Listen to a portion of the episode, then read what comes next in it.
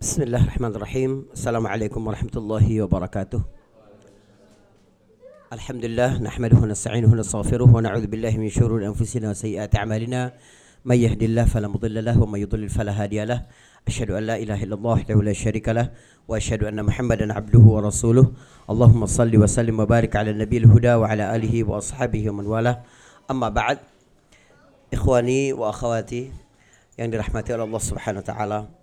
Alhamdulillah hari ini kita dapat kembali berjumpa dalam majelis yang penuh berkah insyaallah sama-sama kembali menyelami kehidupan Rasulullah sallallahu alaihi wasallam untuk kebaikan kita di dunia dan di akhirat. Sesaudaraku yang dirahmati Allah Subhanahu wa taala bahwa kita kembali mengkaji sirah nabawiyah ini karena kita ingin melihat bagaimana Al-Quran diterapkan dalam kehidupan nyata. Karena itu Ali bin Husain bin Ali, cucu Ali bin Abi Talib, anak dari Husain, berkata, kami mempelajari sirah nabawiyah ini seperti kami mempelajari surah di dalam Al-Quran. Jadi mentadaburi sirah seperti mentadaburi Al-Quran. Belajar sirah seperti belajar Al-Quran Mengambil pelajaran dari sirah seperti mengambil pelajaran dari Al-Quran. Mengambil petunjuk dari sirah seperti mengambil petunjuk dari Al-Quran. Ini pentingnya kajian sirah nabawiyah. Karena kita bisa melihat dalam kehidupan kita bagaimana nilai-nilai Qurani diterapkan dalam kehidupan nyata. Dan pada hari ini ya, walaupun saya capek ini, karena mic-nya berat sekali. Bukan capek ngomong nanti, capek mic-nya berat sekali. Baik. Um, walaupun dan hari ini kita bicara tentang bagian penting dari kehidupan Rasulullah SAW. Walaupun saya yakin gak bakal bisa diungkapkan semuanya dalam satu pertemuan. Ini tentang tonggak pertama, modal pertama untuk membangun sebuah peradaban sebelum masjid, sebelum madrasah, sebelum sekolah, sebelum masyarakat adalah rumah. Memulai satu yang besar untuk pembangunan umat, untuk kebangkitan umat ini semuanya dimulai dari rumah.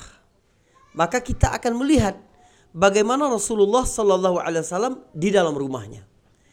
Sesudah yang dirahmati Allah Subhanahu Wa Taala, ada beberapa hal yang perlu kita sampaikan dalam pertemuan ini sebagai sebuah permulaan, pembukaan. Yang pertama adalah Nabi Shallallahu Alaihi Wasallam membentuk keluarga jauh hari sebelum Nabi diangkat menjadi Rasul. Ini menarik. Kenapa? Kalau sekiranya Nabi jadi Rasul dulu baru menikah, bisa jadi pernikahan ini adalah pernikahan politis. Bisa jadi ini untuk menambah pengikut.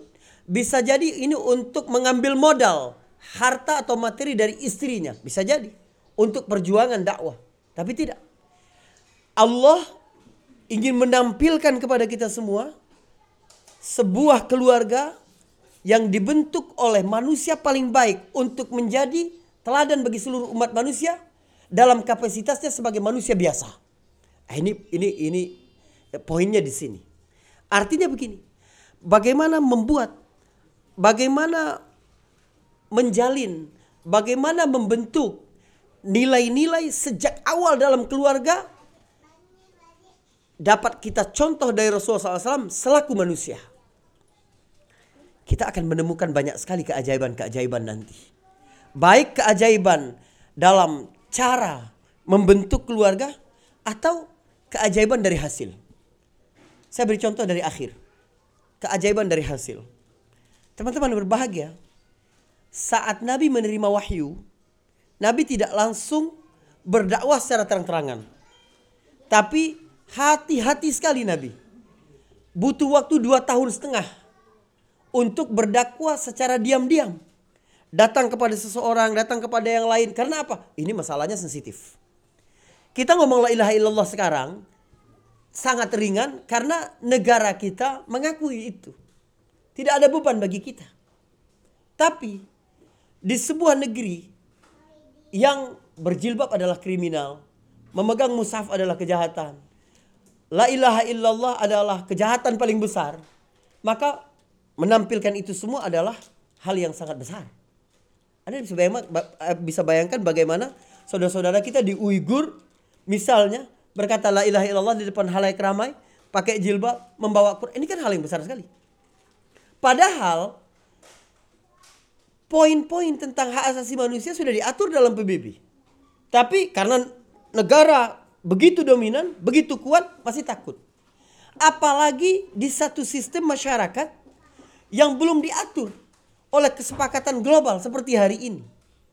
Tentu hal yang sangat besar kalau ada seseorang yang tiba-tiba muncul di tengah masyarakat yang mengagungkan, yang membesarkan berhala-berhala yang ada di Ka'bah, lalu dia berkata, ini semua batil. Paham nggak? Gak ada yang berhak untuk disembah kecuali Allah Subhanahu wa taala.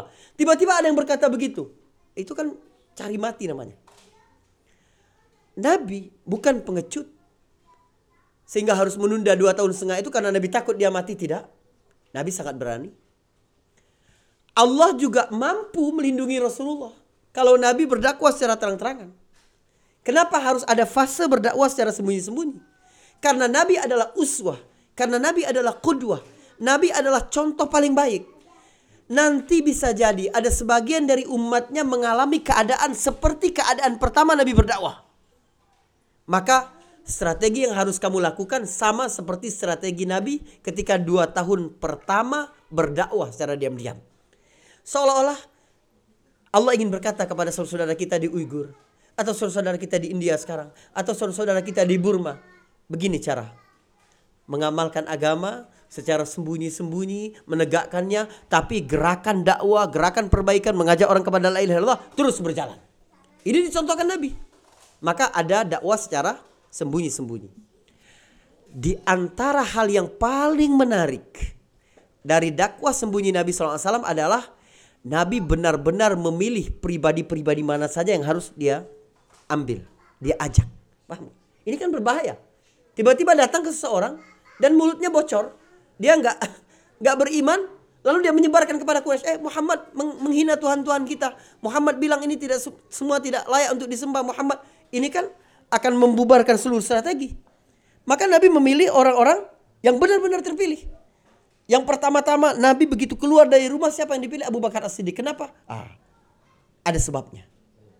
Baik. Di tengah memilih, kita tidak bahas yang tadi ya di tengah pemilihan personal-personal yang te tepat untuk menjaga kerahasiaan agar dakwah ini terus berlangsung, Nabi juga memilih Ali bin Abi Thalib dan Zaid bin Harithah yang saat itu berusia 10 tahun. Ini kan rahasia besar ini. Anda bisa bayangkan menyimpan rahasia ke anak kecil usia 10 tahun. Anak umur 4 SD, 5 SD. Coba bayangkan. Kenapa Nabi dakwah kepada mereka? Karena Nabi percaya. Orang dua ini dapat menjaga kerahasiaan. Orang berdua ini tidak kontradiktif terhadap strategi yang dijalankan Nabi pada dua tahun setengah pertama berdakwah secara diam-diam. Kenapa Nabi percaya kepada Ali? Kenapa Nabi percaya kepada Zaid? Hasil didikan Rasulullah di rumahnya. Subhanallah. Ini hasil Rasulullah di rumahnya. Dan begitu pula lah Nabi unggul dalam metode, dalam cara, dalam ya taktik luar biasa dalam kehidupan keluarganya. Kita akan coba bahas satu persatu dari kehidupan Rasulullah SAW based on sirah ya fakta-fakta sirah nabawiyah. Yang pertama adalah Nabi Shallallahu Alaihi Wasallam memulai membentuk keluarga itu bersama seorang perempuan yang usianya jauh di atas dia yaitu Khadijah berusia 40 tahun. Dan dia juga memiliki penghasilan lebih besar dari Rasulullah. Ini kan menarik. Tantangannya kuat berarti. Maka dalam hati kita mestinya ada pertanyaan. Apa sih rahasia keluarga Rasulullah Shallallahu Alaihi Wasallam ini bisa akur, bisa harmonis, bisa sakinah, padahal terdapat gap besar yang menjadi sebab paling besar konflik dan perceraian dan rumah tangga. Pertama tadi perbedaan umur. Di setiap zaman perbedaan umur ini menjadi hal paling penting dalam urusan sukses atau tidaknya sebuah keluarga. Karena secara psikologis perempuan memang lebih cepat dewasa dalam menghadapi kehidupan daripada laki-laki. Itulah yang membuat para ahli mengumumkan usia yang paling ideal untuk menikah jarak sekitar 6 tahun antara laki-laki dan perempuan. Perempuan lebih muda 6 tahun dari laki-laki, baru bisa mengimbangi kedewasaannya. Tapi ini tidak. Khadijah lebih tua dari Rasulullah 15 tahun. Kok bisa keluarga ini tetap harmonis? Atau ada halangan lagi yang kedua. Ini lebih besar lagi. Bagaimana mungkin keluarga di mana penghasilan istri lebih besar daripada penghasilan suami, tapi rukun, damai dan harmonis. Ada sesuatu di situ. Bagaimana Nabi menguraikan masalah ini satu-satu. Bagaimana kemudian ini tidak menjadi penghalang untuk membentuk sebuah keluarga yang bahagia. Mari kita lihat beberapa halangan di sini. Jadi Nabi Shallallahu Alaihi Wasallam memang berbeda usia jauh dengan Khadijah. Tapi faktor paling penting dalam sebuah hubungan itu bukan angka-angka usia bukan. Bukan tahun lahir bukan. Dan kedewasaan manusia tidak sepenuhnya diatur oleh usia bukan. Tunduk kepada angka umur, bukan. Jadi walaupun Nabi lebih muda dari Khadijah 15 tahun, berdasarkan riwayat paling populer tentang umur Khadijah, tapi Nabi Shallallahu Alaihi Wasallam kedewasaannya mengimbangi kedewasaan Khadijah. Dari sejak kapan? Dari sejak kecil. Ketika Nabi di rumah ibu susunya Halimatus Sa'diyah, Halimah berkata, dia Muhammad berkembang sehari seperti anak-anak lain berkembang setahun. Berkembang sebulan. Dia berkembang sebulan seperti anak lain berkembang setahun. Jadi kalau Nabi 10 bulan di rumah Halimah Sa'diyah seperti anak lain berusia 10 tahun. Nabi sangat berakal. Maka ketika Nabi ikut ibu perjalanan ibunya Aminah pada usia 6 tahun di Madinah, Nabi sudah sangat berakal dan dewasa. Nabi ingat detik-detik dan setiap episode-episode yang dia lalui bersama ibunya itu. Sampai Nabi hijrah Nabi mengingatnya. Nabi berkata aku berenang di sumur ini. Aku pergi ke sini, aku di sini, ibuku wafat di sini, ini makam ayahku. Nabi ingat semuanya dengan dengan rinci. Kenapa? Karena Nabi memang lebih dewasa. Ini dalam urusan umur. Dalam urusan harta, walaupun penghasilan Khadijah lebih besar, tetapi pertama, nafkah tetap dari kantong Rasulullah. Ini penting. Ajarkan ya anak-anak saudara sebelum menikah seandainya didapati kenyataan bahwa calonnya itu lebih besar penghasilannya daripada dia, komitmen dari awal ya untuk ukuran kehidupan yang normal di Jakarta kebutuhan sebulan kira-kira sekian itu dari aku. Itu urusanku, itu tanggung jawabku. Karena kawamah lelaki adalah pemimpin bagi perempuan. Ar-rijal qawwamuna 'alan nisa bima anfaqu ba'dhum ba'dha. Karena infak, karena nafkah yang mereka berikan kepada istri. Jika sekiranya kurang nafkah maka kurang bobot kepemimpinan seorang pria di rumah. Ini berbahaya. Kita mau lihat nih bagaimana unsur-unsur penting dalam membangun keluarga yang kuat. Naf nafkah utama harus dari kantong suami. Terserah kamu punya uang banyak seperti apa itu hak kamu. Tapi beli beras, lauk seperti orang-orang, ya tinggal di rumah seperti orang-orang walaupun kontrak dulu, walaupun nyewa dulu. Itu dariku. Harus begitu. Ini yang pertama. Jadi walaupun Khadijah lebih kaya dari Nabi, tapi urusan kewajiban nafkah dari diri Rasulullah. Yang kedua, Khadijah tahu betul bahwa Rasulullah memilih dia karena dia adalah perempuan yang layak untuk dipilih bukan karena hartanya. Karena Khadijah telah menguji Nabi berkali-kali dalam urusan harta.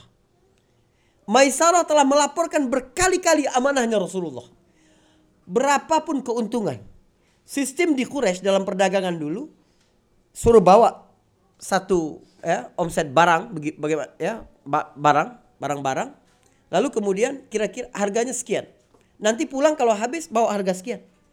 Nanti di Syam mereka terserah jual mereka sebanyak apa. Itu pinter-pinter si yang bawa dagangan. Tapi Nabi tidak pernah begitu. Nabi mengambil bagian dia. Ya. Sebagaimana disepakati dari awal. Berapapun yang terjual. Setinggi apa pun harganya. Nabi akan serahkan kepada Khadijah. Khadijah dapat merasakan itu. Bagaimana hartanya berkembang jauh lebih banyak ketika didagang oleh Rasulullah SAW. Khadijah tahu ini orang lolos dalam urusan ini. Ini orang memang kepribadiannya mulia. Karena mau melihat asli seseorang itu ketika berhubungan dengan harta. Seorang berkata kepada Khalid, eh, Amirul Mukminin Umar bin Khattab radhiyallahu an, "Ya Amirul Mukminin, ini orang aku kenal baik sekali." Kata Umar, "La'allaka tarahu sajidan wa raki'an hakadha," kata Umar. Kayaknya engkau melihat dia sujud begini, rukuk begini kata kata Umar. Iya betul ya Amirul Mukminin. Kata Umar, "Innaka la ta'rifu rajulan hatta tu'amilahu fid dananiri wad darahim. Kamu nggak bakal tahu asli sifat manusia, watak manusia sampai kamu pernah berurusan dalam urusan dinar dan dirham dengan dia. Dan ini lolos. Nabi Shallallahu Alaihi Wasallam memang benar-benar menginginkan Khadijah karena dia memang wanita yang layak untuk itu. Jadi sejak awal bagaimana Nabi melakukannya. Lalu pernikahan ini juga terjadi sebelum Nabi Shallallahu Alaihi Wasallam diangkat menjadi Rasul karena juga menjadi latihan dari Allah Subhanahu Wa Taala seseorang layak untuk memimpin masyarakat, layak untuk memimpin bangsa, layak untuk memimpin manusia kalau dia layak memimpin keluarga. Subhanallah. Dan Nabi menjadikan bagaimana perilaku seorang laki-laki kepada perempuan-perempuan dalam hidupnya, istrinya, ibunya, anak perempuannya sebagai standar baik buruknya seseorang. Nilai seorang laki-laki dilihat dari mana? Dari bagaimana dia memperlakukan perempuan-perempuan itu. Hadis riwayat Tirmizi dan Ibnu Majah Nabi berkata, "Khairukum khairukum li ahli." Sebaik-baik kamu adalah yang paling baik dengan keluarganya. Subhanallah. Makanya Nabi SAW di akhir hayatnya beberapa saat sebelum wafat Nabi berwasiat dua hal penting. Yang pertama salat, yang kedua memperlakukan perempuan dengan baik. As-salatu as-salah istausau bin nisa'i khaira. Jaga salat, jaga salat. Aku berpesan kalian untuk memperlakukan perempuan-perempuan kalian, istri-istri kalian dengan baik. Kenapa? Salat adalah lambang tertinggi hubungan manusia dengan Allah berbuat baik kepada istri, kepada keluarga adalah lambang paling tinggi hubungan manusia dengan manusia. Artinya, kalau hubungan manusia dengan Allah melalui salat sudah beres, maka hubungan-hubungan yang lain insya Allah beres. Kalau hubungan manusia secara horizontal kepada istri, kepada keluarganya beres, baik, maka kepada yang lainnya baik. Khairukum khairukum li ahli paling baik di antara kalian adalah yang paling baik dengan keluarganya dan aku paling baik dengan keluargaku. Jadi ketika Rasulullah Shallallahu Alaihi Wasallam ketika kita mengkaji halakah majlis pada hari ini bahwa ini adalah orang yang paling tepat untuk diambil contoh teladan dalam satu keluarga memang Nabi berhak untuk itu. Kenapa? Nabi memerintahkan sesuatu dan Nabi melakukan sebelumnya. Subhanallah. Perhatikan bagaimana para istri Nabi Shallallahu Alaihi Wasallam ini Nabi sebagai suami dulu. Kita belum bicara Nabi sebagai ayah, Nabi sebagai ya eh, kepala keluarga dalam urusan nafkah, tidak. Hubungan dengan istri aja dulu. Apa kata istri Nabi sallallahu alaihi wasallam? Kana idza khala binisaihi. Adalah Rasulullah SAW apabila dia kumpul dengan istrinya, khala artinya menyepi. Artinya Nabi tidak bersama manusia lagi, hanya bersama istrinya Kana alyanun nas. Dia adalah orang yang paling lembut, subhanallah. Istrinya nggak cerita begini, dia adalah orang yang lembut, tidak. Tapi dia adalah manusia yang paling lembut, superlatif. Istri-istri Nabi ini kan bergaul, melihat bagaimana ayah mereka memperlakukan ibu mereka. Bagaimana saudara laki-laki mereka memperlakukan istri-istri mereka. Bagaimana tetangga mereka memperlakukan istri. Dan mereka dapat perbandingkan. Tidak ada yang lebih lembut daripada Rasulullah SAW. Karena alianun nas wa kana akramun nas. Dia juga paling dermawan kepada istri-istrinya. Subhanallah. Apabila Nabi berkumpul dengan istrinya, dia menjadi paling dermawan, dia menjadi paling lembut. Susah. Lembut ke istri ini susah. Kenapa? Karena kehidupan tidak selalu berjalan normal. Ada saatnya kita mendapat masalah dalam bisnis. Kita memperoleh masalah dalam pekerjaan. Lalu kita menghabiskan waktu letih di luar bekerja. Begitu kita pulang ke rumah, kita merasa kewajibanku sebagai seorang ayah sudah aku lakukan. Dan aku telah mengalami hari yang berat hari ini. Maka kita lupa tersenyum kepada istri. Kita lupa berbuat lembut kepada istri. Jadi kalau ada laki-laki yang secara konsisten seperti yang digambarkan oleh istri Nabi tentang Rasulullah SAW ini luar biasa. Paling lembut, paling dermawan. Lalu apa lagi? Kana yuda'ibuna. Nuda'ibuhu wa yuda'ibuna. nulatifuhu wa yulatifuna. Dia menggoda, kami menggoda dia, dia menggoda kami. Ya, kami bermanja ke dia, dia bermanja ke kami. Subhanallah. Rasulullah sallallahu alaihi wasallam bagaimana dia di rumah. Dan kata-kata ini berbeda dengan diucapkan 15 abad yang lalu di Quraisy berbeda bobotnya dengan kalau diucapkan pada hari ini. Kenapa? Hari ini kita punya banyak rujukan bagaimana kebudayaan manusia telah mengajar manusia bagaimana bersikap yang baik dalam dalam keluarga. Lalu kemudian kita mendapatkan contoh Rasulullah begini pun kita takjub luar biasa. Apalagi dalam situasi sosial seperti masyarakat Quraisy. Bagaimana gambaran mereka? Umar bin Khattab bercerita. Satu hari, bayangkan. Kata Umar, kami adalah kaum yang tidak pernah meminta pendapat kepada istri-istri kami tentang satu urusan masalah. Suatu hari istri Umar pernah memberikan saran kepada Umar. Entah itu urusan bisnis atau urusan di luarnya.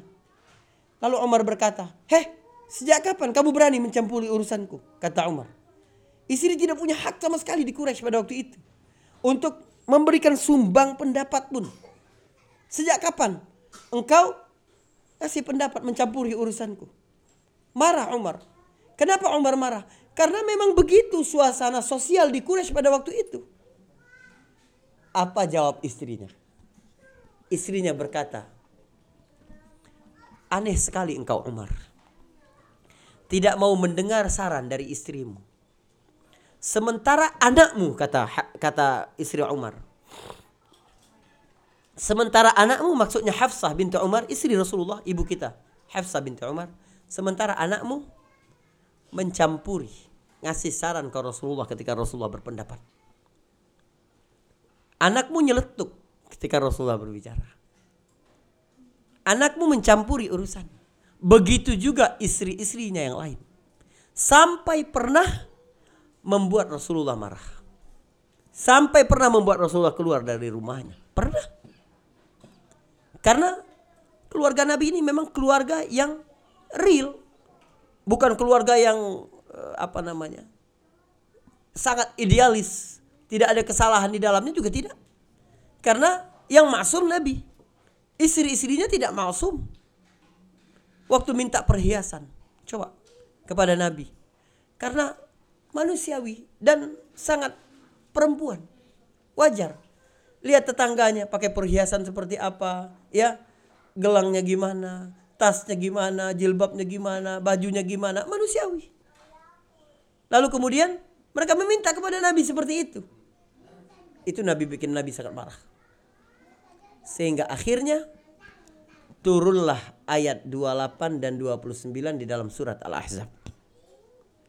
Coba kita lihat bagaimana Allah menengahi urusan Rasulullah dengan istrinya ini. Dalam surat Al-Ahzab ayat ke-28 itu Allah Subhanahu wa taala berkata begini kepada Nabi. Coba kita perhatikan. Ya ayuhan nabi, qul li azwajika in kuntunna turi, turidna al-hayata ad-dunya wa zinataha Gak kelihatan saya nih. Fata'alaina umatti'kunna wa usarrihkunna sarahan jamila. Nabi, kamu katakan kepada istri-istrimu, kalau kalian memang menginginkan kehidupan dunia, inginkan perhiasan-perhiasannya, sini, aku bisa berikan kepada kalian semua.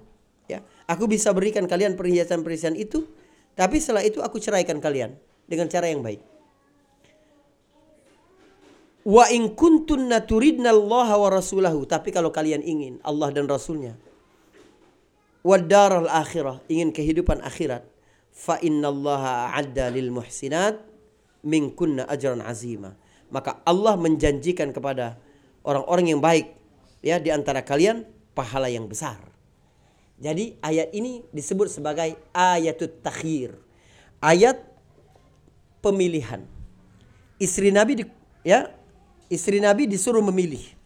Oke, kalian minta kehidupan dunia yang seperti itu, perhiasan-perhiasannya. Aku bisa. Allah sebutkan, kamu bilang Muhammad. Kalau mereka mau, kita kasih. Tapi harus pisah. Karena tidak layak mendampingi Nabi. Yang hidup untuk akhiratnya bersama Nabi itu adalah pribadi-pribadi yang menginginkan kehidupan dunia. Maka mereka disuruh memilih.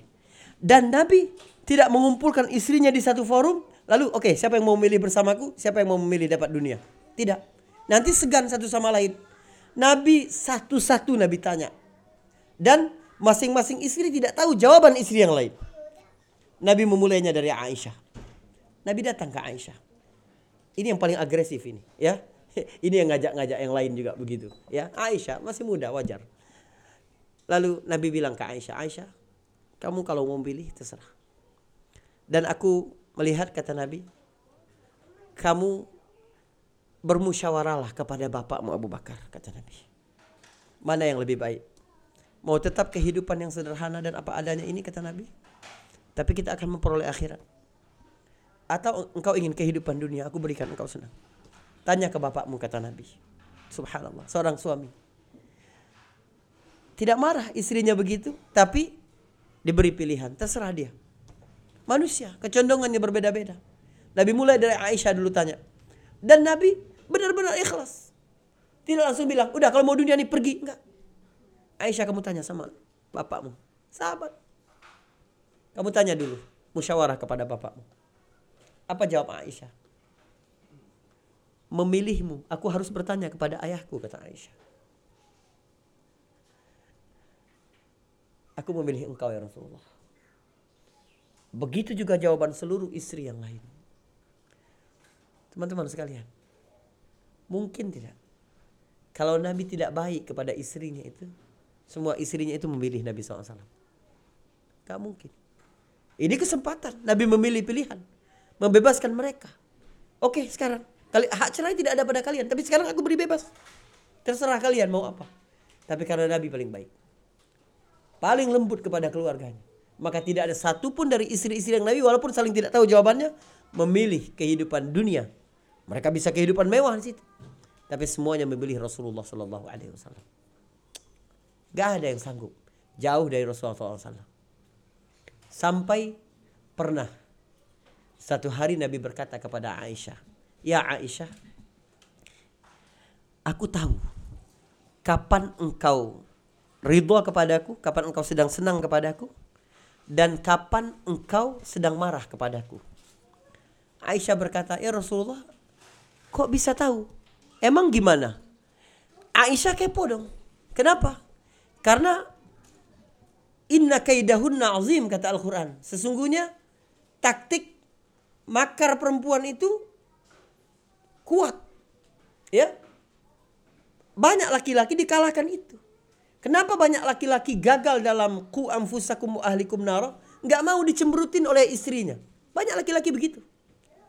Dan banyak sekali keluarga diambang kehancuran dunia dan akhirat disebabkan oleh satu hal. Laki-lakinya tunduk di depan perempuannya. Orang tua kalah oleh anak. Jangan. Keluarga yang sukses berdasarkan pengamatan kita kepada Nabi SAW lihat yang paling kuat syakhsiah, yang paling kuat kepribadiannya harus suami. Kenapa? Karena tanggung jawab besar bagi dia. Sekali lagi saya sampaikan ayat Ar-Rijal qawwamuna 'ala nisa. Laki-laki adalah pemimpin bagi perempuan, itu bukan pemuliaan bagi laki-laki bukan. Bukan Allah memuliakan laki-laki karena lemahnya akal perempuan, bukan. Itu al-qawamah, kepemimpinan dalam keluarga yang Allah berikan kepada laki-laki laisa tashrif bukan untuk memuliakan laki-laki, tapi lit taklif untuk pembebanan bagi laki-laki. Allah bebani kalian dengan kepemimpinan. Kenapa? Karena kalian akan diminta pertanggungjawaban. Kullukum ra'in wa kullukum mas'ulun an ra'iyati. Kalian akan diminta pertanggungjawaban nanti bagaimana kalian memimpin keluarga. Saat kita tidak tegas melakukan memimpin keluarga, bau surga kita nggak dapat. Kata Nabi tidak mencium bau sorga lelaki youth, Laki-laki yang membiarkan istrinya bersolek secara jahiliyah, buka auratnya, pergi dengan laki-laki lain, kumpul begini ya, tiktokan. Wah, youth itu. Benar. Segala hal yang bertentangan dengan iffah, kehormatan diri seorang perempuan dibiarkan oleh laki-laki, berarti dia gagal dalam keluarga. Karena indikasi paling terlihat keluarga sukses apa tidak adalah manakala pemimpinnya mampu menjalankan misi ku anfusakum wa ahlikum naroh. Jagalah dirimu dan keluargamu dari api neraka. Jadi, kalau kita dapat membuat anak kita sangat sukses berprestasi di satu bidang, tapi itu justru mendekatkannya kepada neraka, maka kita adalah orang yang gagal. Kalau kita dapat memberikan seluruh fasilitas keduniaan, kepada keluarga kita, kepada istri kita, tapi itu justru menjauhkannya dari Allah, maka kita telah gagal. Karena indikasi paling awal sukses atau gagalnya satu keluarga, laki-lakinya bisa tidak menjaga keluarganya dari api neraka. Bisa tidak menjadi pembendung. Bisa tidak menjadi tameng dari neraka. Sebab apa? Sebab memang kita harus sabar di situ. Memang kita harus punya strategi di situ. Memang ah begitu. Jadi Nabi berkata kepada Aisyah, Aisyah, aku tahu loh kapan kamu sedang senang, kapan kamu sedang marah kepadaku. Aisyah nanya, gimana Rasulullah? Biar nanti nggak ketahuan lagi ya nggak? Kan begitu. Dan baiknya Rasulullah, Rasulullah katakan lagi. Harusnya jadi rahasia biar dia tahu Aisyah lagi marah atau tidak. Iya nggak? Kata Nabi kalau kamu lagi suka dengan aku, kamu bersumpahnya demi Tuhan Muhammad. La wa Rabbi Muhammad. Enggak, demi Tuhan Muhammad. Ah, itu kalau itu masih masih terkendali situasi. Tapi kalau engkau bersumpah la wa Rabbi Ibrahim, tidak.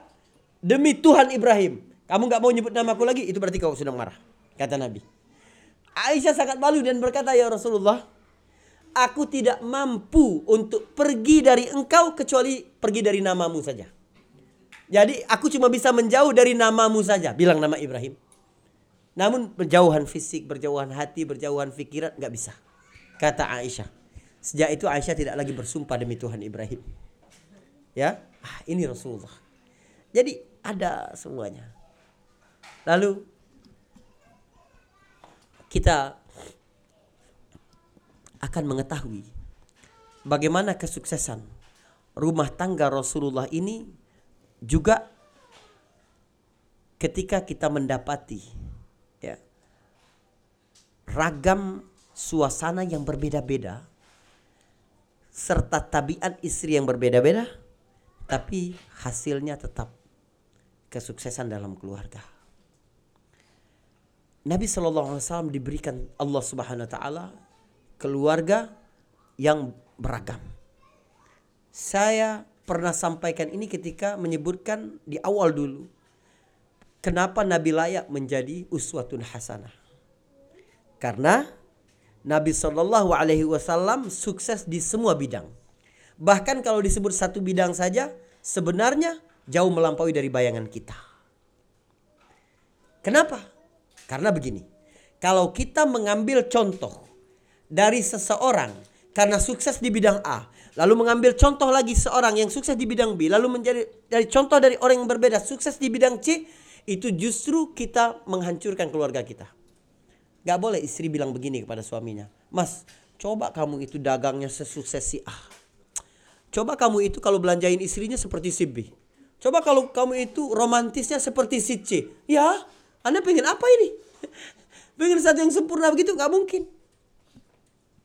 Jadi kita lihat. Orang yang mungkin diberi Allah subhanahu wa ta'ala. Suami yang berlimpah dalam materi. Ah tapi waktunya berkurang. Ada yang romantis tapi penghasilannya pas-pasan. Ada yang begitu terus. Jadi kalau kita membandingkan satu suami dengan keunggulan dari pribadi-pribadi yang berbeda itu bencana. Makanya kita melihat Rasulullah SAW justru dari situasi yang berbeda, dari watak yang berbeda-beda masing istri, Nabi sukses. Ah, kita lihat dari satu orang. Jadi seorang layak untuk menjadi contoh dalam bidang apa pun ini. Pertama, Syaratnya adalah kehidupannya itu nyata. Ada benaran, bukan dari dongeng bukan. Plato memberi konsep negara polis Al-Madinah Al-Fadilah. Sampai hari ini nggak bisa wujud begitu. nggak mungkin terjadi. Ini kan mengawang-awang. nggak mungkin. nggak bisa jadi contoh itu. Jadi kita mau buat Jakarta seperti negara konsep negara polisnya Plato. nggak mungkin bisa. Karena tidak real. Syarat untuk menjadi contoh harus real. Yang kedua, dia sukses di segala bidang. Gak boleh hanya sukses di satu bidang saja, gak boleh. Nabi Shallallahu Alaihi Wasallam adalah contoh paling baik. Bagaimana menjadi pasangan yang sukses. Kenapa?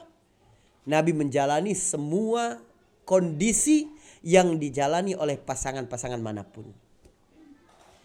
Pasangan yang menikah dengan istri yang jauh lebih tua melihat Nabi SAW. Karena Nabi sukses dalam pernikahannya dengan Khadijah yang lebih tua dari dia. Nabi sukses dalam pernikahannya dengan Saudah yang jauh lebih tua dari dia. Seorang yang menikah dengan pasangan yang jauh lebih muda dari dia, dia melihat Nabi sebagai contoh. Kenapa? Nabi sukses menjalin rumah tangga yang dibangun dengan istri yang jauh di bawah dia. Tantangan Nabi bersama Aisyah itu besar sekali. Aisyah itu masih kanak-kanak banget. Bayangkan ketika terjadi hadisul ifki, Aisyah dituduh melakukan perzinahan ya dengan Sufyan bin Mu'attal. Itu Nabi panggil pembantunya, pelayannya yang perempuan itu. Menurut kamu gimana Aisyah itu? Aku nggak dapat ya Rasulullah Aisyah itu punya kekurangan kecuali pernah sekali dia menjaga jemuran gandum dia tertidur sehingga gandumnya dimakan oleh ayam. Cuma itu. Saking masih anak-anaknya Aisyah. Bayangkan. Nabi SAW memperlakukan Aisyah seperti apa. Bayangkan jika suatu hari ya orang mengantar makanan dari istri Nabi yang lain ketika Nabi di rumah Aisyah dan Nabi ada tamu yang lain. Sahabat-sahabatnya ada di situ. Begitu ada yang mengantar ya ada yang berkata ini dari Sofiyah binti Huyai. Ya, sahabat istri Nabi yang terkenal uh, pintar masak. Mengantar makanan. Aisyah cemburu. Lagi di rumah dia, istrinya yang lain mengantar makanan. Aisyah banting itu mangkok. Tumpah semuanya dan pecah. Seorang kepala keluarga, suami di depan sahabat-sahabatnya diperlakukan begitu kepada istrinya. Dia nggak salah sama sekali. Apa salah Nabi? Coba apa? Nggak ada salah Nabi. Namun Aisyah memperlakukan begitu. Apa respon Nabi apa? Kata Nabi, gharat ummukum. Ibu kalian sedang cemburu kata Nabi. Subhanallah.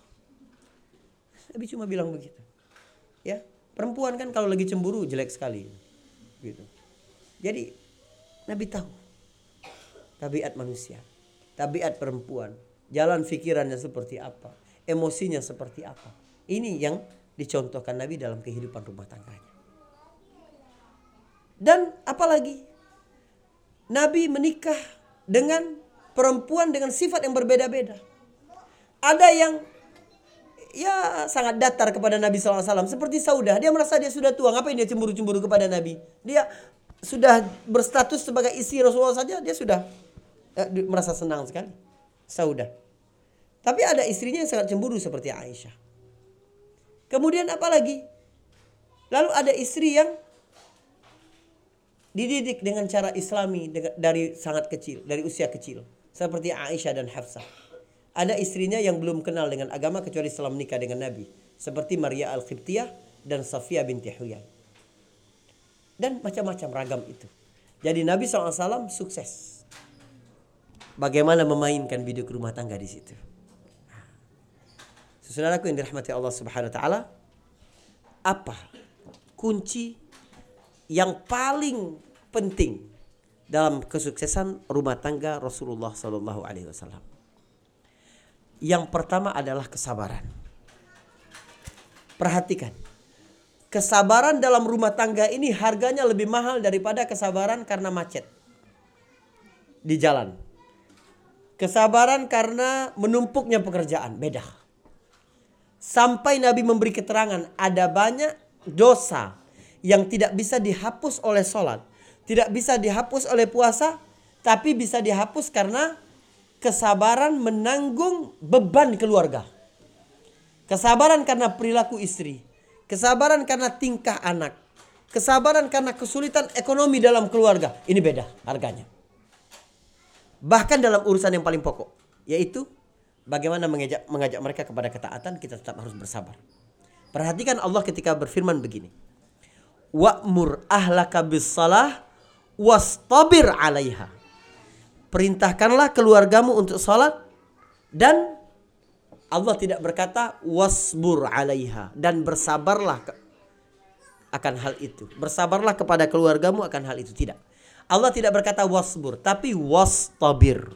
Apa arti wastabir? Istabar berarti sabar yang terus menerus. Istabar berarti memaksa diri untuk sabar. Jadi pada saat ini sangat ah udah sebenarnya udah bisa aku marah ini udah berhak banget nih istriku begini. Ah tapi kita sabar. Ah, itu tabir. Ah. Bagaimana tak cara kita sabar menghadapi istri itu?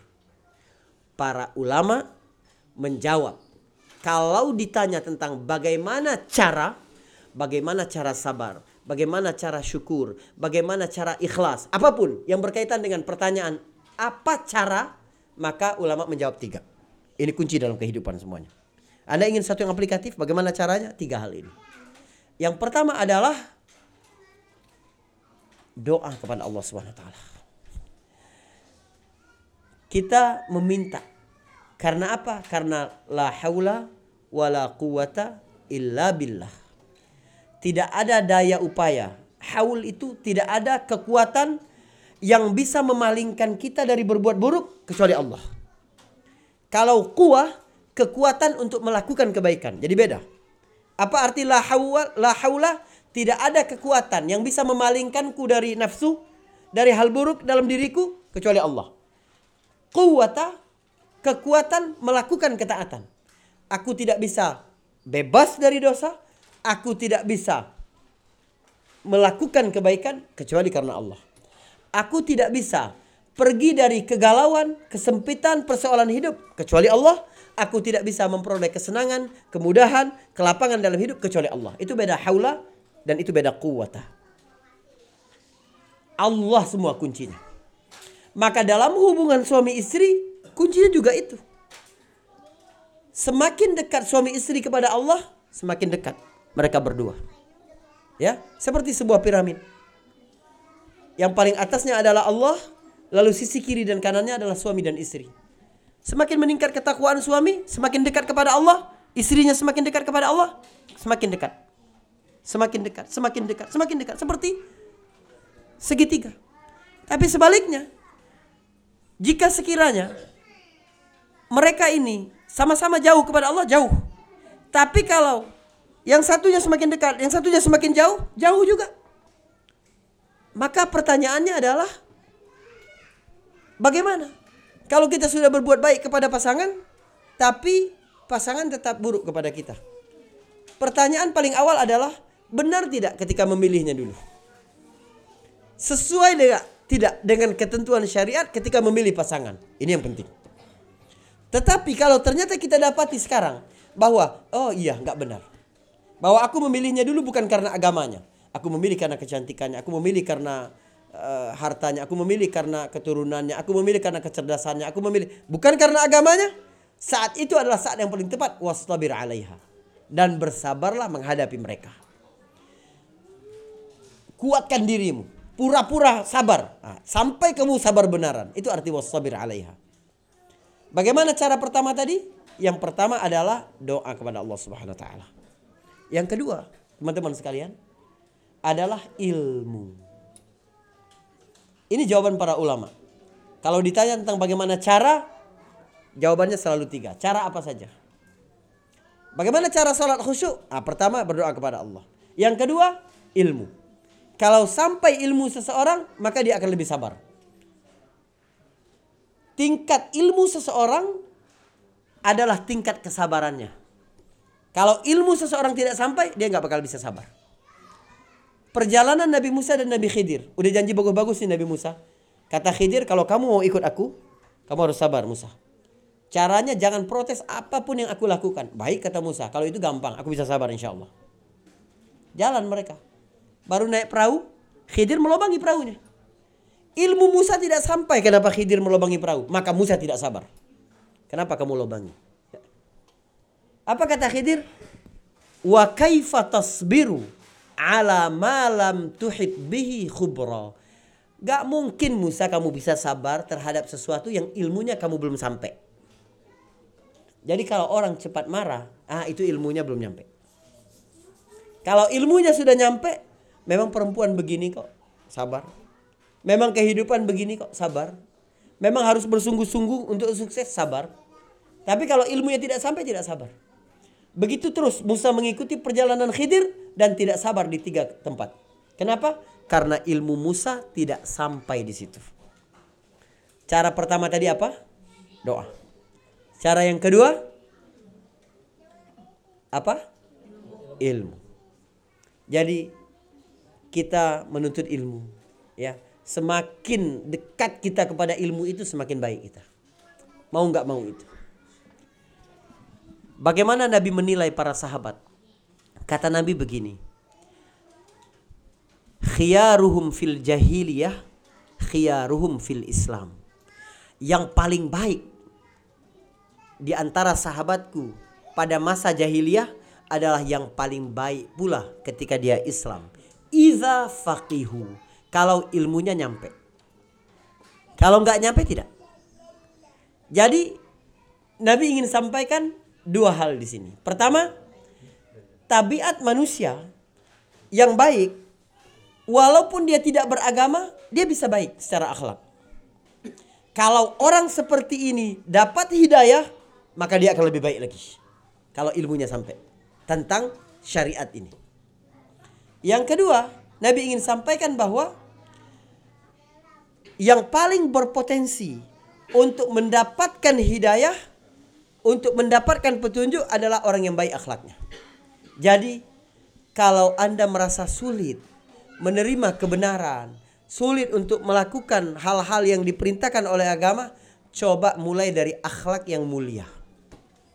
Kalau mulia akhlakmu, engkau menjadi orang yang baik, insya Allah akan lebih mudah menerima nilai-nilai petunjuk agama. Pertama doa, yang kedua ilmu. Yang ketiga adalah latihan, mujahadah. Bersungguh-sungguh terus melatih diri. Allah berfirman, "Man jahada fina lanahdiyannahum subulana." Siapa yang bersungguh-sungguh di jalan kami maka maka kami akan memberi petunjuk kepada mereka. Jadi ayat ini menggambarkan satu fakta penting bahwa Allah baru memberi satu kebaikan kalau sudah ada modal kebaikan sebelumnya dulu.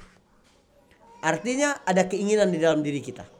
Ketika Allah bercerita tentang Ashabul Kahfi, innahum fityatun amanu bi rabbihim wazidnahum huda. Mereka adalah sekelompok pemuda yang telah memilih keimanan. Jadi dari diri mereka dulu. Maka kami tambahkan petunjuk. Jadi latihan, latihan, latihan. Latihan ini ada dua macam. Latihan melakukan satu jenis amal perbaikan, amal kebaikan, atau latihan untuk begini. Yang pertama adalah latihan melakukan satu jenis amal kebaikan agar kita semakin baik melakukan amal tadi atau kita latihan melakukan satu amal baik agar Allah mudahkan mengerjakan amal baik yang lain. Paham nggak? Yang pertama tadi kita latihan untuk khusyuk, untuk khusyuk latihan terus agar kita sholatnya lebih khusyuk dari sebelumnya. Yang kedua, kita latihan, kita dimudahkan Allah untuk apa? Ada orang yang dicondongkan oleh Allah hatinya mudah dalam berinfak, tapi susah puasa sunnah. Ada orang yang mudah sekali puasa sunnah, tapi susah sholat malam. Ada yang susah sholat malam tapi gampang sholat duha. Kamu latihan lakukan satu amalan yang kamu mudahkan saja. Ah aku mudah, dimudahkan Allah kalau memberi itu suka sekali. Beri terus, eksploitasi terus itu, explore terus itu, latih terus itu sehingga Allah akan memudahkanmu melakukan amal kebaikan yang lain.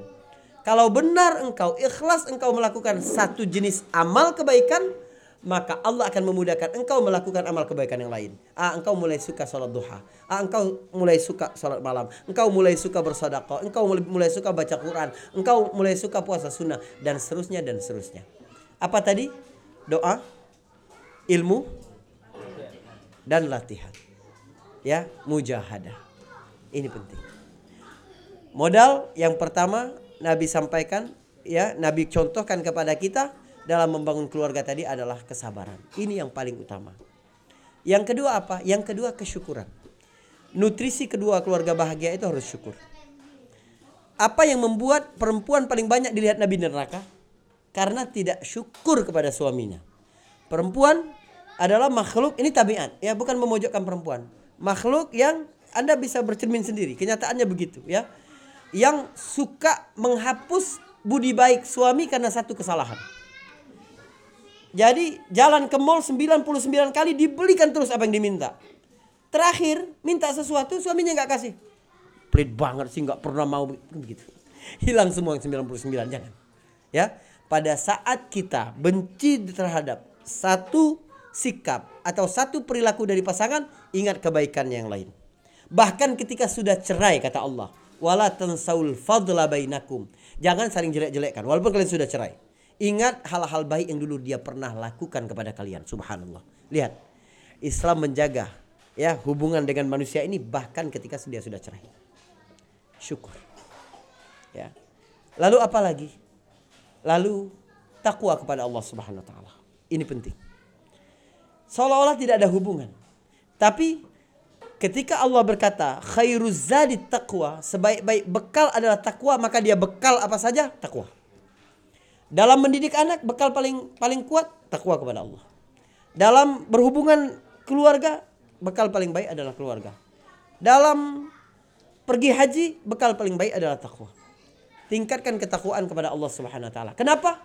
Karena takwa itu berarti menghadirkan rasa kita diawasi oleh Allah Subhanahu wa taala. Itu takwa.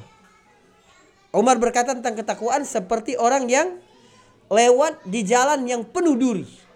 Maka dia hati-hati. Walaupun jalannya lurus tapi di depannya banyak duri, dia akan loncat ke kiri, dia akan loncat ke kanan ya untuk menghindari duri itu. Ah, itu yang dilakukan, menghindar. Apalagi sekarang, kita hidup di tengah keluarga yang fitnah sangat rapuh masuk ke kamar-kamar kita. Masuk ke gadget-gadget kita ya. Beberapa waktu lalu teman-teman sekalian, saya nggak sebut nama, jadi nggak gibah ini. Saya diminta mengisi nasihat pernikahan. Ya, di satu tempat. Nah, sebelum saya naik, ada keluarga yang satu Ustadz tolong Ustadz dikasih juga. Disinggung juga. Istri saya tadi. Gitu. Ketemu sama mantannya dari Facebook. Kemudian wah, mereka ikut reuni. Pergi keluar kota. Udah saya larang masih lakukan itu. Sekarang ber, menjalin hubungan. Mesra-mesra di WhatsApp dan seterusnya dan seterusnya. Minta uang sama dia 100 juta untuk operasi plastik. Anda tahu berapa umur istrinya? 62 tahun. Dan umur dia 66 tahun. Subhanallah. Apa yang hilang ini? Ketakwaan kepada Allah.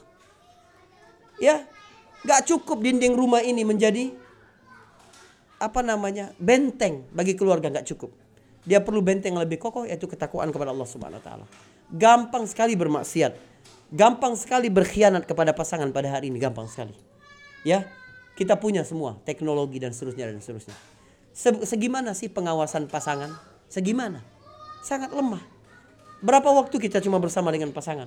Tapi bersama Allah sepanjang waktu. Maka takwa kepada Allah Subhanahu wa taala adalah bagaimana ciri itu. Lalu yang keempat adalah berorientasi akhirat. Ingat, kehidupan dunia ini demi Allah, teman-teman sekalian. Sangat sebentar. Dari ayat Al-Ahzab tentang keluarga Nabi tadi, surat Al-Ahzab ayat 2829 tadi, Nabi suruh pilih, kamu mau dunia atau mau akhirat? Menunjukkan bahwa ah, keluarga yang sukses, keluarga akan tetap utuh kalau pasangannya lebih mengutamakan akhirat daripada kehidupan dunia. Orang menyeret suaminya kepada korupsi, menyeret suaminya kepada penipuan, menyeret suaminya kepada dosa. Karena apa? Karena kehidupan dunia. Ya, saya tahu memang menyakitkan. Ya, saat kumpul-kumpul, yang lain pakai tas original, eh kita pakai tas KW. Ya, tapi itu kehidupan dunia semua. Ya. Jadi jangan sampai memaksa diri hal-hal yang begitu tidak. Orientasilah akhirat. Ya. Jadilah pasangan yang saling menguatkan untuk akhirat saling menguatkan untuk berinfak lebih banyak, untuk menuntut ilmu lebih banyak, untuk beribadah lebih banyak, untuk ah dan seterusnya dan seterusnya. Jadi apa pun yang kita lakukan jadikan itu sebagai orientasi akhirat. Yang paling baik menasihati suami ketika mengeluh, capek dalam mencari rezeki, kasih tahu tentang akhirat. Kasih tahu keutamaannya di sisi Allah Subhanahu wa taala. Kalau dia wafat karena mencari rezeki itu, dia wafat dalam keadaan syahid. Subhanallah. Ya, dan infak paling baik infak yang diberikan kepada pasangan, kepada keluarga, kepada anak-anak. Ini luar biasa. Begitu juga kepada perempuan, mengingatkan dia letih dalam mendidik anak, letih dalam apa itu? Akhirat semua. Ya, tidak ada yang lebih baik nanti. Bahwa amal ibadah yang terus yang dilakukan oleh anak-anak mereka terus nanti, ya anak-anak kita nanti itu semua akan mendapat balasan di sisi Allah Subhanahu wa taala. Saya pikir empat itu dulu yang kita dapati dan dari nilai-nilai umum keluarga Nabi dulu nilai-nilai umum keluarga Nabi. Jadi kita belum bicara teknis tentang bagaimana Nabi sebagai seorang ayah, bagaimana Nabi menjadi seorang suami, bagaimana Nabi sebagai kepala keluarga di tengah masyarakat. Nah, ini suatu yang berbeda lagi ya. Saya pikir ini yang bisa saya sampaikan, kita bisa lanjutkan dalam dialog insya Allah. Silakan.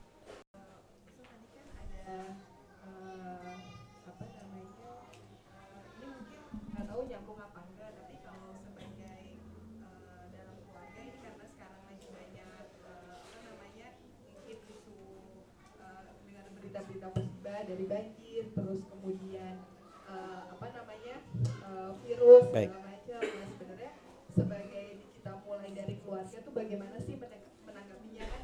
Uh, sehingga saya juga di zaman uh, Nabi juga pernah ada uh, apa masa yang uh, virus yang uh, menyebar. Nah itu kira-kira gimana sih Ustaz dimulai dari keluarga menanggapi hal tersebut? Baik baik. Pertanyaannya bagaimana caranya? Jawabnya tiga tadi. Iya. Ya, pertama tingkatkan tawakal kita kepada Allah. Serahkan diri kepada Allah Subhanahu wa taala. Bahwa sebisa apa sih kita bisa bebas dari virus ini misalnya, ya? Nggak mungkin kita bisa mengisolasi diri dari manusia selama ini nggak mungkin. Kita mengantar anak ke sekolah, anak bertemu dengan teman-temannya di sekolah, ke mall, ke tempat-tempat umum, ke restoran, itu nggak bisa, nggak. Jadi ini cara kita bagaimana meneguhkan hubungan kepada Allah. Ini kan bagian dari musibah. Apa kata Allah? Walanabluwannakum bisyai'im minal khauf. Allah menguji kalian dengan satu dari ketakutan. Jadi walaupun virus corona itu belum menimpa kita, kita sudah kena sebenarnya. Musibah virus corona itu dalam bentuk rasa takut. Minal khaufi wal ju' Takut, lapar, wa naqsim minal amwali wal anfus. Berkurang harta, berkurang jiwa. Penyakit corona coba lihat empat itu semua. Gimana orang-orang ya di Singapura wah beli makanan, beli takut kehabisan karena takut. Coba bayangkan, kekurangan akhirnya. Karena pasokan, kemudian apa moving barang juga terganggu. Juga ekonomi juga terganggu. Banyak sekali. Ya, Anda bisa bayangkan teman-teman kita yang pengusaha-pengusaha travel umroh itu sekarang bagaimana? Ya. Saya punya beberapa teman usaha di bidang itu. Jangan dilihat enaknya saja. Mereka itu menyiapkan dana untuk kehidupan keluarga mereka itu pada masa bukan musim umroh. Jadi pada mulai mulai Ramadan akhir sampai nanti Muharram bukan musim umroh bukan itu Jadi mereka akan hidup menghidupi keluarganya dari apa yang dia sisihkan ketika musim umroh itu. Ketika musim panen itu untuk musim paceklik. Tapi sekarang coba bayangkan. Tiba-tiba lebih panjang dari sebelumnya. Ini kan luar biasa. Berkurang harta. Berkurang pendapatan. Ini ujian dari Allah Subhanahu wa taala. Lalu apa kata Allah? Alladzina idza asabatuhum musibah wa sabirin. Beri kabar kepada orang yang sabar. Apa? Alladzina qalu inna idza asabatuhum musibah qalu inna lillahi wa inna ilaihi rajiun. Kita kembalikan semuanya kepada Allah Subhanahu wa taala. Ini saatnya kita tahu bahwa kita ini nggak ada apa-apanya. Allah mengirimkan bala tentara yang tidak terlihat. Coba bayangkan. Tiba-tiba mati, meninggal, jatuh korban dan seterusnya dan seterusnya. Orang takut bepergian, takut berjumpa manusia, takut takut itu apa? Ya, itu tentara Allah semua itu. Jadi kualitas hubungan kita dengan Allah harus ditingkatkan. Yang kedua ya ilmu tentang itu. Ya, kita harus tahu bagaimana syariat dalam memberi arahan jika terjadi seperti itu. Maka Nabi Shallallahu Alaihi Wasallam ketika terjadi wabah taun kolera, Nabi bilang jangan pergi ke tempat yang terkena wabah dan yang sedang berada di tempat wabah tidak boleh keluar dari situ. Itu itu tuntunan syariat agar tidak menyebar. Itu tuntunan syariat dalam mengelak mengantisipasi ya hal-hal yang buruk terjadi. Artinya begini. Kita memang berharap lindungan dari Allah, kita harus memaksimalkan tawakal kepada Allah tapi segala usaha untuk mencegah segala usaha yang bisa ya membuat diri kita lebih terlindungi itu harus dilaksanakan. Maka mau nggak mau sekarang kita harus kurangi segala kontak-kontak kepada publik di ruang publik yang lebih banyak. Kita harus kurangi itu. Mau nggak mau. Ya takut. Ini saya ngajar juga takut nih sekarang. Insya Allah ya. insya Allah sehat semua kita. Ya nah, itu. Jadi maksimalkan. Hubungan dengan Allah maksimalkan juga usaha kita di, di di tengah manusia. Ini ini yang paling penting ya. Dan juga jangan lupa istighfar. Jangan lupa bertaubat kepada Allah Subhanahu wa taala. Tidak ada satu bencana ini menimpa kecuali karena dosa yang dilakukan oleh manusia. Maka banyak-banyak istighfar kepada Allah. Istighfar dapat membuat manusia jauh daripada musibah membuat manusia berperoleh kebaikan-kebaikan yang sebelumnya mungkin mustahil bagi diri dia tapi musibah dapat itu ya. Jadi kita mulai dari keluarga kita ajak mereka untuk selalu istighfar ingatkan mereka untuk bertakwa kepada Allah ya serta bagaimana mengurangi sebab-sebab yang bisa uh, apa namanya kita terkena musibah-musibah yang ada ini. Wallahu alam baik. Ya. Sebelumnya mohon maaf dulu untuk kaum ibu-ibu tadi berhubungan dengan salah satu contoh yang Ustaz sampaikan mengenai salah satu tabiat wanita itu kan kurang bersyukur ya. Iya, baik. Kita sebagai laki-laki lah suami gitu, eh, bagaimana menyikapinya? Apakah cukup dengan mewajarinya atau tetap harus dengan menasehatinya? Baik, baik, baik. Baik, bagus sekali. Jadi Nabi Shallallahu Alaihi Wasallam menyampaikan dalam satu hadis lain, keterangan lain bahwa wanita itu diciptakan dari tulang yang paling bengkok, ya. Dan yang paling bengkok adalah tulang yang paling atas. Kalau kita paksa untuk meluruskannya langsung, maka dia akan patah, nggak bakal bisa. Tapi kalau kita biarkan, maka dia akan semakin bengkok. Itu adalah kiasan dari Nabi, ya. Bukan wanita itu benar-benar dari tulang rusuk pria bukan. Ini nggak benar, ya. Tulang rusuk pria dan perempuan itu sama semuanya, ya. Jadi ini berkenaan dengan sifat. Berkenaan dengan sifat. Seperti Allah berkata begini, khuliqal insan min ajal. Manusia itu diciptakan dari ketergesa-gesaan. Apakah ada satu bahan, satu materi namanya ajal? Namanya adalah tergesa-gesa. Ada nggak?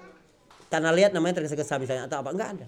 Manusia diciptakan dari tergesa-gesa. Artinya sifat dominan manusia itu memang suka buru-buru. Begitu juga sifat perempuan. Manusia itu dari tulang bengkok, ya. Dan tulang yang paling bengkok adalah tulang rusuk yang paling atas kata Nabi. Nah, kalau sekiranya dipaksa untuk dirubah, maka dia akan patah. Tapi kalau kamu biarkan dia akan semakin bengkok. Apa maksud Nabi ini? Memang Allah dan Rasul kalau memberi perumpamaan itu sangat dalam. Artinya apa?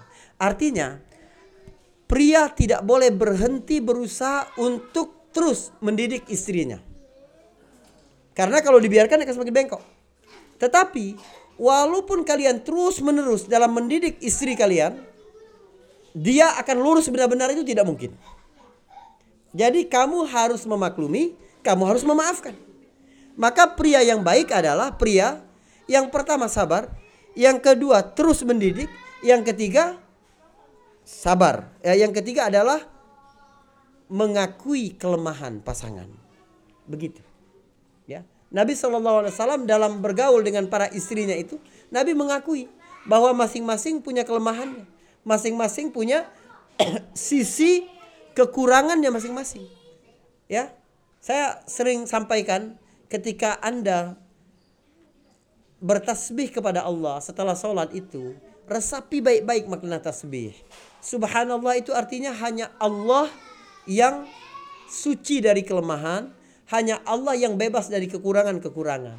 Jadi pada saat Anda bertasbih, subhanallah, ingat dalam pikiranmu, istriku tidak subhan. Anakku tidak subhan, saudaraku tidak subhan, orang tuaku tidak subhan, saudara-saudaraku tidak subhan. Maka kita lebih mudah memaafkan. Kenapa memaafkan orang yang dicintai itu lebih sulit daripada memaafkan orang lain? Karena kita punya ekspektasi nggak mungkin orang yang mencintai kita ini sanggup menyakiti kita. Kalau orang lain menyakiti kita, ah, wajar dia nggak kenal. Maka kita lebih mudah memaafkan. Tapi aku nggak nyangka kamu yang ah begitu ya nggak? Ah, tapi justru itulah kita diuji bahwa kita menikah dengan pasangan yang tidak subhan. Kita menerima keadaannya. Ya, Nabi berkata tentang laki-laki dan perempuan ini apa? Hunna libasul lakum wa antum libasul lahun. Mereka adalah pakaian bagi kamu, kamu adalah pakaian bagi mereka. Artinya apa? Saling menutupi kekurangan. Ya pakaian. Ya, pakaian menutupi. Bagaimana orang berpikir, ah, saya pakai baju lengan panjang karena lagi ada luka di sini, misalnya. Ya, itu pakaian. Atau tidak terlihat aurat, tidak terlihat kekurangan, itu dari pakaian. Dan itu bukan dari satu sisi, tapi dari dua sisi. Perempuan adalah pakaian bagi kamu, kamu adalah pakaian bagi bagi perempuan. Mungkin itu yang bisa saya jawab. Baik apa yang harus yang harus saya lakukan sebagai seorang istri jika masih tinggal bersama orang tua mertua sedangkan suami masih berat untuk meninggalkan orang tuanya karena satu hal. Sedangkan saya sebagai seorang istri ingin pisah tempat tinggal dengan orang tuanya. Baik baik. Sesudah yang dirahmati Allah Subhanahu wa taala yang paling ideal memang begitu berumah tangga itu nggak lama dengan dengan keluarga dengan mertua. Ini kasus normal ya kasus normal dulu saya sampaikan. Kenapa? Karena setan paling kuat dalam hubungan keluarga itu setelah hubungan suami istri adalah hubungan antara wanita dan mertua dan ibu mertua wanita, ibu bagi suami. Itu besar sekali setannya. Ya. Jadi seorang suami misalnya harus membiasakan istrinya sejak awal atau bahkan sebelum menikah sampaikan bahwa aku harus begini begini begini ya aku punya tanggungan begini begini karena perempuan ini karena setan ya karena tabiat asli perempuan insya Allah baik syaitan akan sangat suka ya memainkan permusuhan antara seorang perempuan dengan mertua perempuan dia jadi kalau seorang laki-laki memberi uang kepada orang lain mungkin istrinya masih terima tapi ketika suaminya memberi kepada ibunya ada rasa cemburu di dalam hatinya. Kalau suaminya pergi keluar main dengan teman-temannya masih memaklumi, tapi kalau suaminya main menginap ke rumah ibunya, eh cemburu dalam hati. Itu syaitan bermain itu. Ya. Syaitan bermain. Jadi maka yang lebih baik adalah mengurangi itu. Yang kedua adalah pengetahuan seorang anak dengan orang tua itu berbeda. Kalau sekiranya pengetahuannya hampir sama, maka sebenarnya tidak ada penghalang yang besar ketika suami istri masih tinggal bersama orang tua. Karena cara orang tua nanti mendidik anak adalah cara yang secara ilmu anaknya juga sama, satu frekuensi dengan dia. Tapi kalau berbeda ini akan jadi musibah. Karena jangankan dengan mertua, dengan antara suami istri saja dalam mendidik anak ini banyak sekali suami istri jadi ribut. Ya enggak? Coba istri-istri ini kalau marah anaknya luar biasa, marah banget. Giliran kita marah dia marah-marahin kita. Dia nggak terima kalau kita marah anaknya. Padahal perasaan kalau dia marah lebih tinggi lagi deh gitu kan. Kita kan begitu. Ah, apalagi kalau kalau dengan mertua. Ini ini ini ini ini kondisi normal baik. Tetapi jika sekiranya memang keadaan menuntut, misal sang ibu ini tidak ada yang menjaganya kecuali anaknya yang itu, maka itulah di saat saatnya kita untuk menerapkan fastabir alaiha. Ya, untuk memaksa untuk melatih kesabaran di dalam diri kita. Dan insya Allah itu surga. Ya, insya Allah itu surga. Jadi sebaiknya memang dari awal sebelum menikah itu ah, sepakati dulu hal-hal yang seperti itu. Jangan sampai jadi sandungan, jadi uqdah, jadi ganjalan di dalam uh, hubungan rumah tangga nanti ya. Tapi kalau kita ikhlas karena Allah Subhanahu wa taala, kita memberi jalan surga bagi suami kita untuk berbakti kepada orang tua ya. Lalu dia masuk surga karena baktinya itu, dia ajak kita untuk masuk surga Allah Subhanahu wa taala. Bagaimana cara bersikap? Ah, cara bersikap adalah bagaimana kita bersikap kepada orang tua kita sendiri. Itu kedudukan mertua. Ya, kita hormat kepadanya seperti kita hormat kepada kedua orang tua. Kita berbicara kepadanya dengan bahasa seperti kita berbicara kepada kepada orang tua kita sendiri. Karena begitu keluarga bersatu, begitu hubungan suami istri terjalin, maka sebenarnya dua keluarga yang bersatu. Karena itu ketika konflik datang, apa kata Allah? Yang pertama adalah pisah ranjang untuk mendidik. Eh, yang pertama adalah ditegur baik-baik. Kalau nggak bisa, pisah ranjang. Kalau tidak bisa, kumpulkan keluarga istri, kumpulkan keluarga suami delegasi dari keluarga suami, delegasi dari keluarga istri. Artinya menikah bukan semata-mata pertemuan dua orang, tapi pertemuan dua keluarga. Ya, mungkin mungkin itu. Allah alam besar. Baik. Ya. Sebenarnya tadi saya ingin bawakan itu lebih rinci tentang kehidupan Nabi dengan Khadijah, ya enggak? Ya. Karena ini contoh yang luar biasa ini. Keluarga Nabi Shallallahu Alaihi Wasallam ini, keluarga yang bagaimana kalau keluarga diuji tidak punya anak? maka dia melihat bagaimana Rasulullah dengan Aisyah radhiyallahu anha. Rasulullah dengan Hafsah, Rasulullah dengan istri-istri yang lain selain Maria Al-Qibtiyah. Setelah Khadijah cuma Maria Al-Qibtiyah dapat memberi Nabi anak. Jadi Nabi ini memang dibuat Allah Subhanahu wa taala menjadi contoh yang baik semua kalangan. Jadi ada istri yang dikasih anak, ada yang tidak. Ada istri dari janda, ada dari gadis. Ada istri lebih tua, ada istri lebih muda. Ada istri dari pendidikannya sangat islami dari awal, ada yang tidak mengetahui tentang agama ini kecuali setelah menikah dengan Rasulullah. Ini contoh-contoh dalam kehidupan Rasulullah yang real bagaimana membentuk keluarga yang sakinah, mawaddah, warahmah insyaallah. Baik, ya. Baik. Enggak ada yang lain tanya, ya. Baik.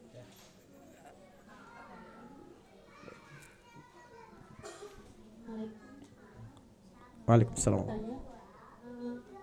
Kalau tadi kan bagaimana mendidik istri, tapi bagaimana kalau misalnya kita istri waktu zaman muda misalnya memilih suami zaman dulu bukan atas uh, keimanan, tapi memang mungkin dulunya muda kita hanya saling sama-sama Baik, gitu. baik, baik, baik. Kemudian sekarang kita sudah memiliki anak, Mm -mm. uh, di mana anak harusnya uh, melihat contoh dari uh, seharian misalnya punya laki-laki keseharian dari bapaknya yang berangkat ke masjid di pagi hari, uh, melaksanakan ibadah bersama dengan keluarga gitu ya. Ya. Eh, bagaimana menghadapi eh, apabila kita mendapatkan suami yang seperti itu Eh,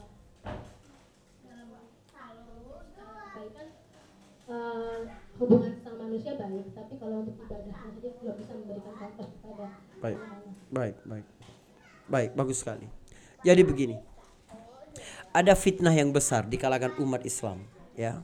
Itu adalah pribadi yang baik sekali akhlak dengan sesama, tapi ada beberapa hak-hak Allah yang belum dia tunaikan. Beragamanya tidak baik. Ini fitnah. Yang kedua, sebaliknya. Sholatnya bagus ya. Wah, kelihatan semua bagaimana ibadahnya. Tapi kata-katanya kasar. Ke orang lain ketus. Kemudian sikapnya begini begini. Tidak baik akhlaknya. Ini juga fitnah. Jangan sampai orang melihat begini. Kalau kita disuruh ada yang disuruh untuk kamu sholat nak baik ah percuma sholat kalau sama orang jahat seperti paham? Jadi fitnah kita bagi agama. Atau kondisi pertama orang akan bilang yang penting baik sama manusia Pak. walaupun nggak sholat si fulan lihat begini-begini karena dia baik dan manusia itu juga jadi fitnah. Maka sebenarnya tidak ada kondisi orang yang baik secara agama kecuali baik dalam dua hal. Baik menunaikan hak Allah, baik menunaikan hak makhluk. Baik akhlaknya kepada Allah, baik akhlaknya kepada makhluk. Maka ya yang paling penting kalau belum terlambat memang dulu idealnya kita memilih, memilih karena agama. Karena itu dalam pemilihan Nabi sampaikan wanita itu dipilih karena empat perkara. Ya, ini juga berlaku sebenarnya bagi pria. Yang pertama karena fisiknya, cantiknya. Yang kedua karena hartanya, yang ketiga karena keturunannya, yang keempat karena agamanya.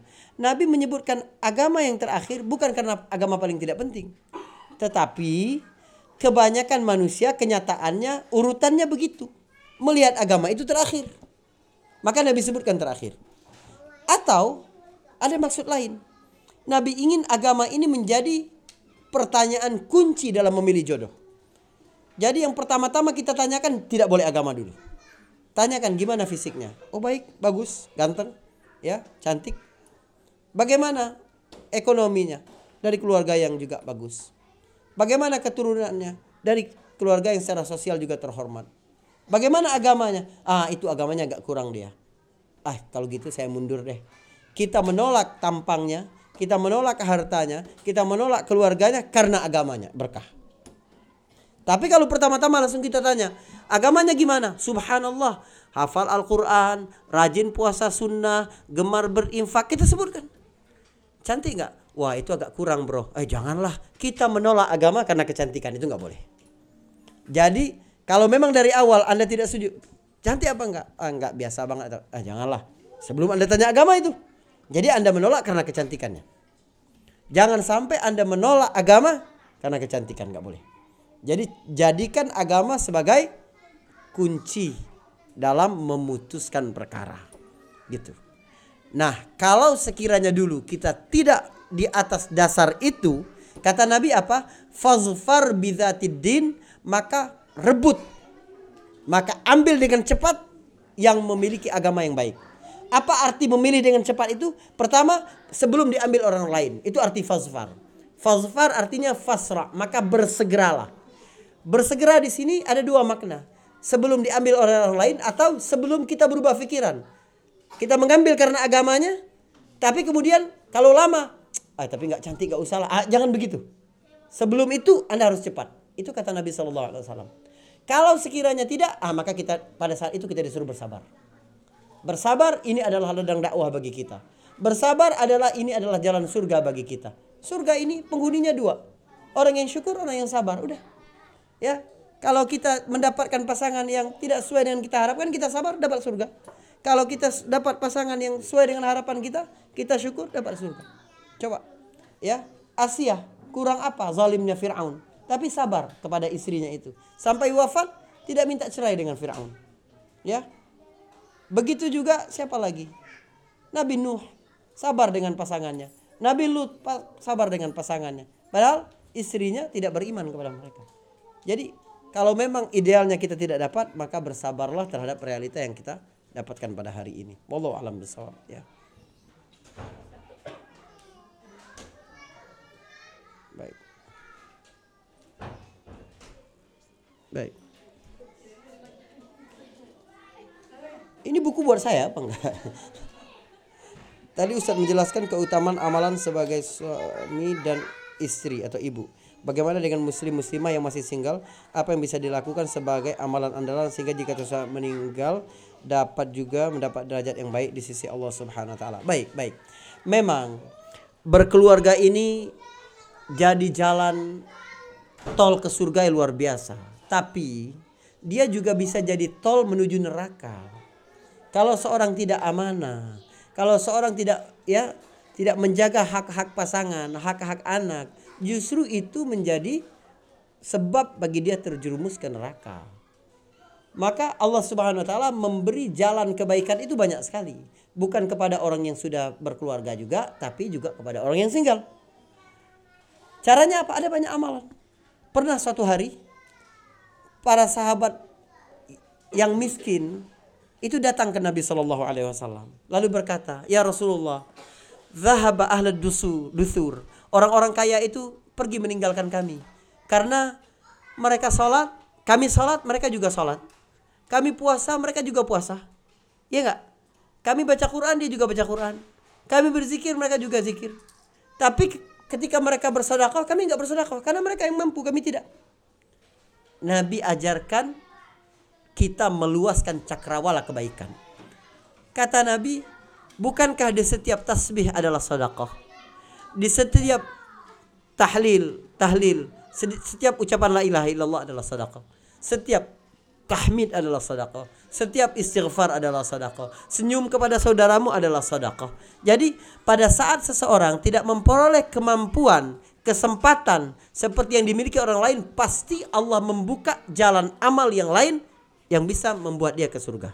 Jadi Allah Subhanahu wa taala tidak mungkin berlaku tidak adil dengan memberi kesempatan yang berbeda kepada seorang. Tidak. Jadi orang kaya diberi kesempatan di sini, orang miskin di sini. Orang kaya eh, orang yang berkeluarga diberi kesempatan di sini, orang yang single diberi ya eh, Allah kesempatan di situ. Contoh, coba lihat bagaimana Allah mengangkat derajat Yusuf. Bukan karena dia berkeluarga, tapi karena dia single. Bagaimana tetap menjaga kehormatan padahal godaan sangat besar. Anda bisa mencari surga di situ. Ya.